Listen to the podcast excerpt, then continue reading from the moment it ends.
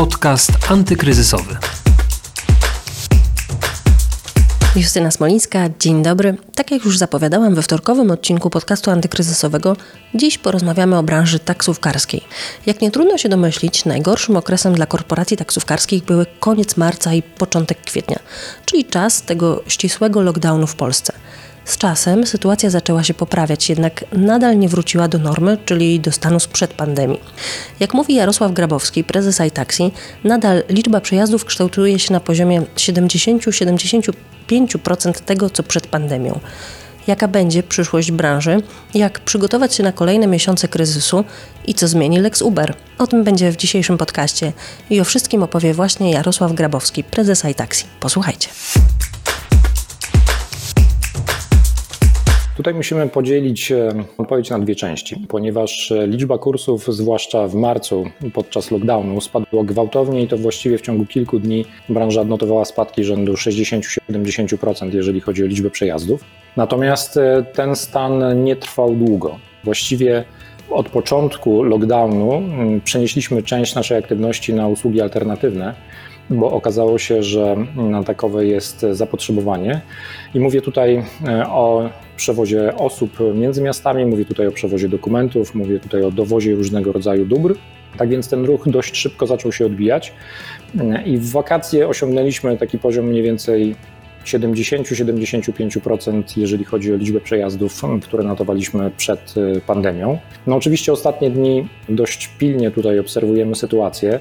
Na razie ona jeszcze się nie odbiła mm, zarówno na liczbie, jak i wartości przejazdów, aczkolwiek spodziewamy się, że jeżeli liczba zakażeń będzie postępowała w takim tempie, to mimo braku oficjalnego mm, lockdownu po prostu część osób będzie częściej y, decydować się na zostanie w domu i być może okaże się, że mm, te spadki również na jesieni, może nie tak głębokie, ale również będą. To o tej przyszłości jeszcze za chwilę będę chciała porozmawiać. Mhm. Jakbyśmy wrócili do tego początku, do tego ścisłego lockdownu, które miesiące były najgorsze i kiedy zobaczyliście, że to odbicie jest już takie mocniejsze? No zdecydowanie najgorszy był koniec marca i y, początek kwietnia. Czerwiec to był taki miesiąc, kiedy zaczęliśmy obserwować już powoli powrót do takiego normalnego funkcjonowania. Mm, więc jeśli miałbym zaryzykować e, twierdzenie właśnie, gdzie był ten punkt zwrotny, to pewnie gdzieś właśnie maj, początek czerwca. Natomiast trzeba pamiętać o tym, że w zależności od tego, o której konkretnej usłudze mówimy, czy takim typowym przewozie z punktu A do B w mieście, czy o właśnie bardziej dedykowanych czy, czy specjalizowanych usługach, to tutaj też różnie się to rozkładało w czasie. Ale jeżeli chodzi o podstawową taką usługę, właśnie biorę smartfon, zamawiam z aplikacji przejazd, to tutaj jak najbardziej ten koniec maja, początek czerwca następowało już odbicie mm, i powrót do normalnego funkcjonowania. To trochę o tych dodatkowych usługach. Jak staraliście się dostosować do tej sytuacji? Jakie usługi są tymi usługami dodatkowymi, które wprowadziliście i co wybierali klienci najczęściej? Z jakich usług chcieli skorzystać? Myśmy, muszę przyznać, że zareagowali dość nietypowo, trochę wbrew e, intuicji i wbrew temu, co robił rynek.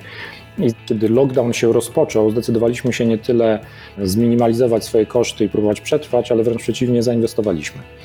Zainwestowaliśmy głównie w bezpieczeństwo przejazdów, w przegrody, takie mm, folie osłaniające czy odgradzające kierowcę od pasażerów.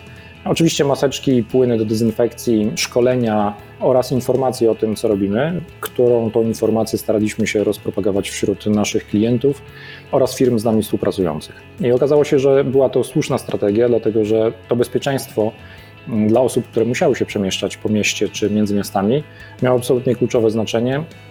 A w związku z tym, że byliśmy pierwszą firmą, która tego typu obostrzenia, tego typu instrukcje wprowadziła, udało nam się zbudować taką pozycję właśnie firmy bardzo dbającej o bezpieczeństwo przejazdów, bardzo dbającej o pilnowanie tego reżimu sanitarnego i zaryzykuję takie twierdzenie, że na tym wygraliśmy. Dzięki temu też udało nam się rozwinąć takie usługi, które powiedziałbym nie kojarzą się bezpośrednio właśnie z, z przejazdami samochodem, a mianowicie zbudowaliśmy właściwie zupełnie nieistniejący wcześniej albo w minimalnym stopniu istniejący rynek na przejazdy międzymiastowe, dlatego że część osób wolała nie korzystać z masowego transportu, czy to pociągu, czy samolotu, które w pewnym momencie w ogóle nie latały, a miały konieczność przemieszczania się między miastami. I drugą taką grupą usług dedykowanych były jakby całe floty dedykowane tylko obsłudze jednego klienta. Chodziło o to, żeby wyłączyć część kierowców i samochodów z normalnego funkcjonowania w rynku taksówkowym i dedykować się do obsługi firm, które w czasie lockdownu czy w czasie pandemii nie mogły sobie pozwolić na zatrzymanie swojej pracy. Ich pracownicy musieli się przemieszczać, a z drugiej strony zależało im na większym bezpieczeństwie niż mogli sami zorganizować. A jeśli chodzi o usługi kurierskie, z tego też e, klienci korzystali chętnie, bo był taki moment e, w czasie tego lockdownu, że trudno było zamówić e, na przykład zakupy z dostawą do domu, brakowało kurierów. Czy wy jakoś tę lukę wypełnialiście, czy staraliście się wypełnić i jak duża była to skala? No, oczywiście tak. W marcu i kwietniu, kiedy nie dało się w ogóle zamówić zakupów do domu, bo po prostu nie miał kto ich przywieźć, nawiązaliśmy współpracę z kilkoma sieciami handlowymi. Aczkolwiek przyznam, że tutaj, jeśli o nas chodzi, ten okres, w którym uważaliśmy, że jest to dobry pomysł, także komercyjnie czy biznesowo w ogóle, on był dosyć krótki. To znaczy firmy kurierskie dość szybko się przeorganizowały i no mamy zdecydowanie większe koszty, jeżeli chodzi o funkcjonowanie kierowcy, który jeździ samochodem i po prostu miałby takie te, zakupy dostarczać. Są tańsi kurierzy, są tańsze firmy, gdzie no, student na rowerze dostarczający jedzenie zawsze będzie tańszy niż ktoś, kto wozi tego typu mm, dobra samochodem, więc tutaj sukcesy mieliśmy raczej umiarkowane. Natomiast jeśli chodzi o bardziej takie wymagające usługi, jak na przykład przewóz dokumentów, albo wręcz w pewnym momencie nie tyle ich przewóz z punktu A do B, ale na przykład zebranie podpisów pod formalnymi dokumentami, co w wielu firmach jest e, standardem, to wysyłaliśmy naszych kierowców po prostu w taką, powiedziałbym, trasę, gdzie jeździli zbierając podpisy no, członków zarządu, członków rad nadzorczych, którzy po prostu nie wychodzili w ogóle z domów. I okazało się, że oczywiście nie była to duża nisza, ale dość mocno ceniona przez naszych klientów, mm, bo my współpracujemy głównie z firmami, głównie z segmentem B2B, więc jakby zacieśnienie tej relacji także w trakcie pandemii był dla nas absolutnie kluczowy. To teraz wróćmy do tej sytuacji, jaką mamy obecnie. Jak teraz wygląda? Kiedy realizujecie najwięcej kursów? Czy już wróciło to do takich poziomów, jakie notowaliście w godzinach szczytu takiego ruchu samochodowego przed pandemią? Czy nadal tych kursów jest mniej? No i czy to, że odmrożona została branża gastronomiczna też jakoś Wam pomogło? Czy właśnie więcej kursów realizowanych jest teraz w te weekendowe wieczory? Wspomniałem o tym, że my mm, jesteśmy firmą, która bazuje na klientach korporacyjnych, więc y, dla nas szczytem ruchu są po prostu godziny pracy. I tutaj zdecydowanie w tych godzinach, czyli dni powszednie, między powiedziałbym 7 a, a 18, to są dla nas te godziny, kiedy realizujemy najwięcej kursów. Mm, raczej y, mniej, jeżeli chodzi o weekendy i wieczory. Natomiast e, jeżeli chodzi o liczbę kursów, ona nie wróciła do tego poziomu, który notowaliśmy jeszcze w marcu przed ogłoszeniem e, lockdownu.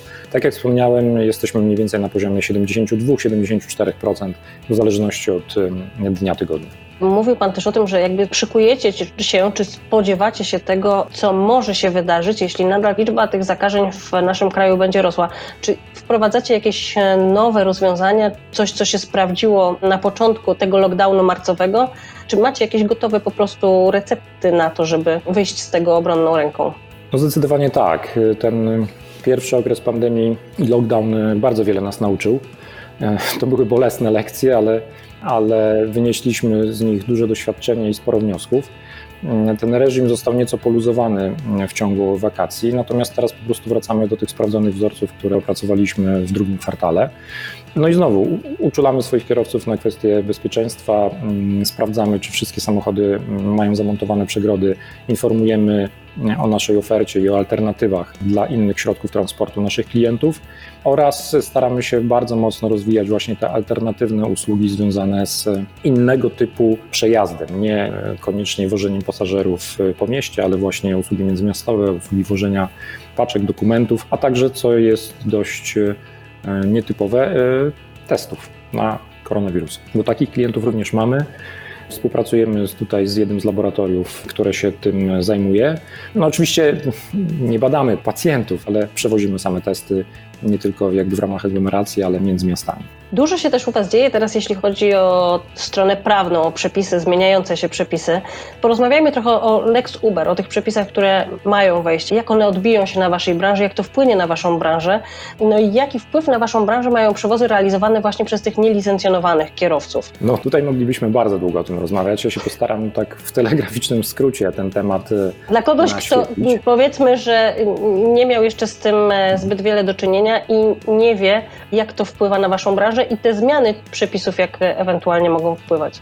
Właściwie od początku istnienia firm, które weszły do Polski proponując usługę zamawianą przez aplikację, ale świadczoną przez dowolnego kierowcę, czyli nie, nie, przez licencjonowanego taksówkarza, czy w ogóle nie przez profesjonalnego kierowcę, tylko osobę właśnie pracującą dla firm przewozowych, mamy w Polsce pewien paradoks, a mianowicie w świetle prawa świadczenie tego typu usług jest nielegalne. Po prostu.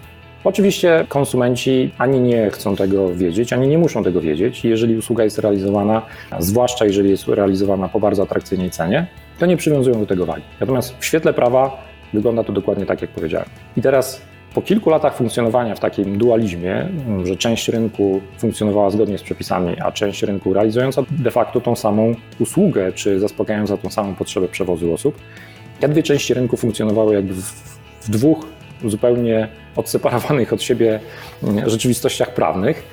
Mieliśmy nadzieję na to, że wejście nowej ustawy ten dualizm zlikwiduje. Innymi słowy, wszyscy będą mieli równe, jasne zasady i będą mogli świadczyć te usługi według bardzo klarownych przepisów. Czekaliśmy na tą ustawę bardzo długo. Udało ją się w zeszłym roku ostatecznie uchwalić. Okres przejściowy minął w marcu, później była pandemia. Ustawa miała wejść w życie od października i mamy de facto znowu przedłużony okres przejściowy.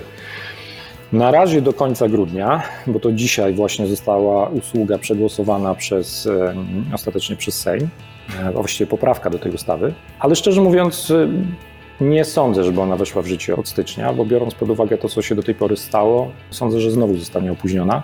Będzie to chyba najdłużej uchwalone, ale nie obowiązujące prawo w Polsce. Moja jakby prywatna opinia na ten temat jest taka, że no myśmy w tym dualizmie funkcjonowali przez kilka ostatnich lat.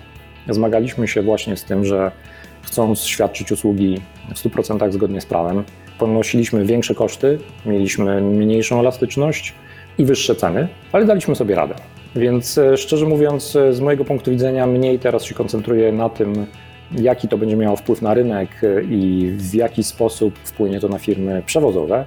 Natomiast bardziej koncentruję się na tym, żeby wyzyskać jeszcze więcej przewag z naszego modelu biznesowego, z naszego sposobu działania, z naszego sposobu jakby zaspokajania potrzeby klienta, jednak z pewnym poziomem gwarantowanej jakości.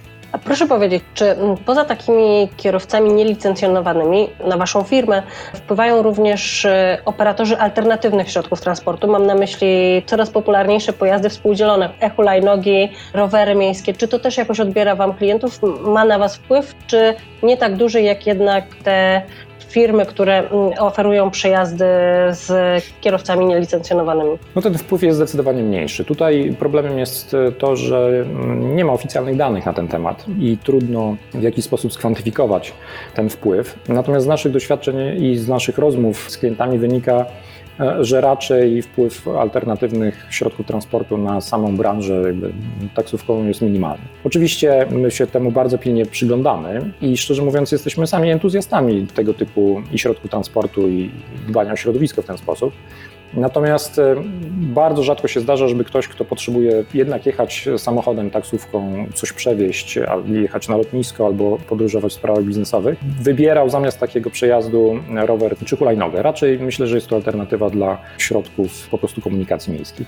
Dziękuję bardzo za rozmowę. Naszym gościem był Jarosław Grabowski, prezes iTaxi. Bardzo dziękuję. Ja również dziękuję. Tym odcinku to już wszystko. Zapraszam Was na kolejne, a jeśli wolicie rozmowy w wersji wideo i chcecie zobaczyć naszych gości, to śmiało wchodźcie na bankier.pl i oglądajcie. Justyna Smolińska, do usłyszenia. Podcast antykryzysowy.